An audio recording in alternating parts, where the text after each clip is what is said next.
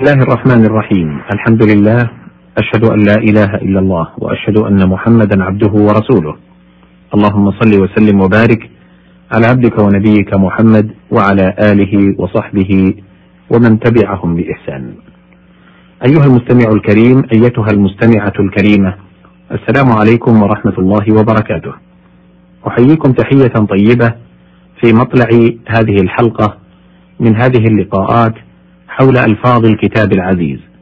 نتناول منها ما احتاج إلى شيء من البيان والإيضاح من خلال كلام العرب الفصحاء في الشعر وفي النثر. والمقام لا يزال عند مادة العين والراء والراء. أصل المعرة من العر وهو الجرب.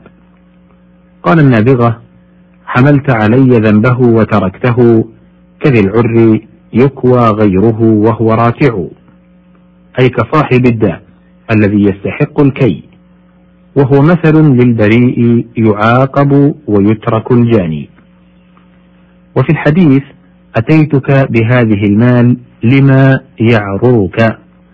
ويروى يعروك أي ينوبك كما ورد في النهاية. والعرار شجر طيب. قال الصمة القشيري تمتع من شميم عرار نجد فما بعد العشية من عرار. العين والراء والشين. قوله تعالى في سورة طه الرحمن على العرش استوى.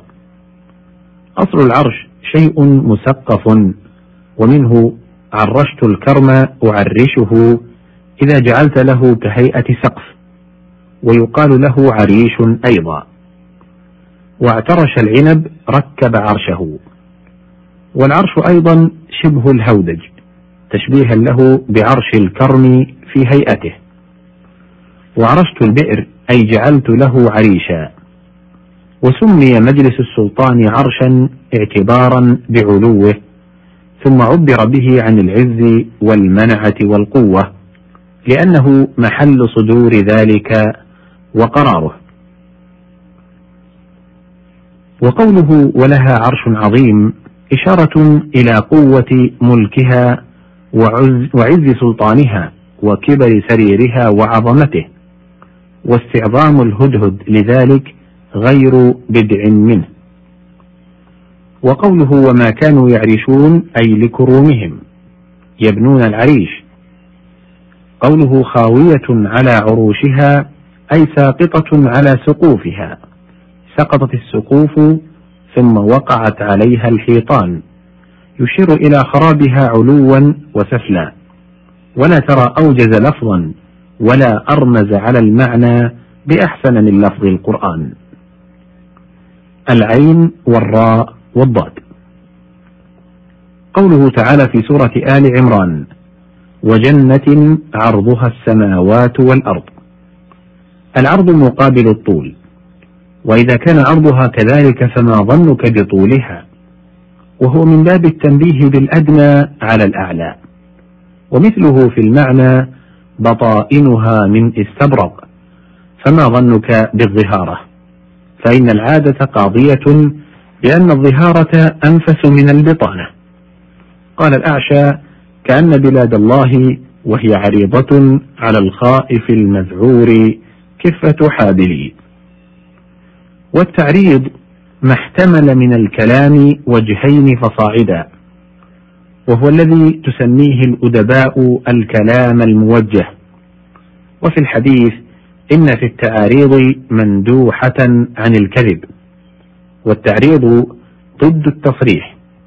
ومنه قوله تعالى فيما عرضتم به من خطبة النساء وهو أن يقول أنت جميلة ورب راغب فيك وإذا حللت فآذنيني ونحو ذلك. والتصريح أن تقول أريد أن أتزوجك ونحو ذلك. والعارض البادي عرضه. فتارة تختص بالسحاب كقوله تعالى هذا عارض أي سحاب قد عرض في الأفق. قال الفرزدق يا من رأى عارضا أكفكفه بين ذراعي وجبهة الأسد. قوله تعالى وعرضنا جهنم أي أبرزناها وجعلناها بحيث يرونها ومثله ويوم يعرض الذين كفروا على النار من ذلك وقيل هو مقلوب والأصل تعرض النار عليهم ومنه قولهم عرضت الناقة على الحوض قوله وأنتم معرضون أي مولون وإذا قيل أعرض عني أعرض عني فمعناه ولى مبديا عرضه. ويقال فيما يعرض من السقم عارض وفيما يظهر من شعر الخدين عارض ومنه العارضان وهما الشعر النابت على اللحيين وعلى ما يبدو من الأسنان وهي المجاورة للثنايا وللإنسان أربع عوارض.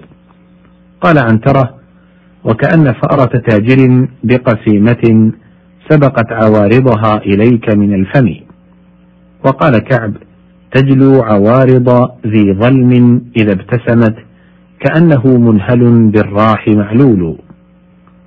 قوله يأخذون عرض هذا الأدنى أي الرشا في الأحكام. وقوله سيحلفون بالله لكم إذا انقلبتم إليهم لتعرضوا عنهم أي لتعفوا وتصفحوا أي لأن في العفو إعراضا عن الجاني. وفي الحديث كل المسلم على المسلم حرام ماله وعرضه ودمه. قال المبرد العرض من الإنسان موضع المدح والذم. وذلك أن يذكر أمورا يرتفع بها الإنسان أو يسقط. وقيل عرضه هم أسلافه الذين يشرف بهم. العين والراء والفاء. قوله تعالى في سورة محمد الجنة عرفها لهم أي طيبها من العرف وهو الطيب. وتقول العرب طيب الله عرفك أي رائحتك. وقيل عرفها لهم في الدنيا بوصف وصفها لهم فإذا دخلوها عرفوها بتلك الأوصاف. الحسنة. وقوله تعالى ولتعرفنهم في لحن القول أي ليظهرن لك المنافق من غيره من فحوى خطابه. والمعرفة والعرفان إدراك الشيء بتفكر وتدبر لأثره فهو أخص من العلم ويضاده الإنكار.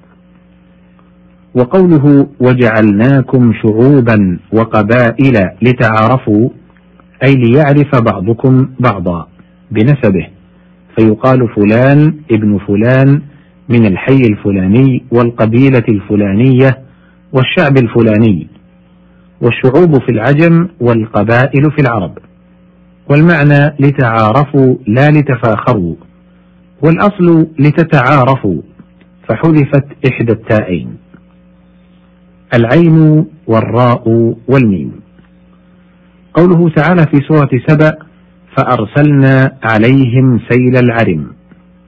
قيل العرم اسم الوادي وقيل اسم الخلد الذي نقب السد حتى فتح وسال ماؤه فغرق ديارهم وأهلك بساتينهم.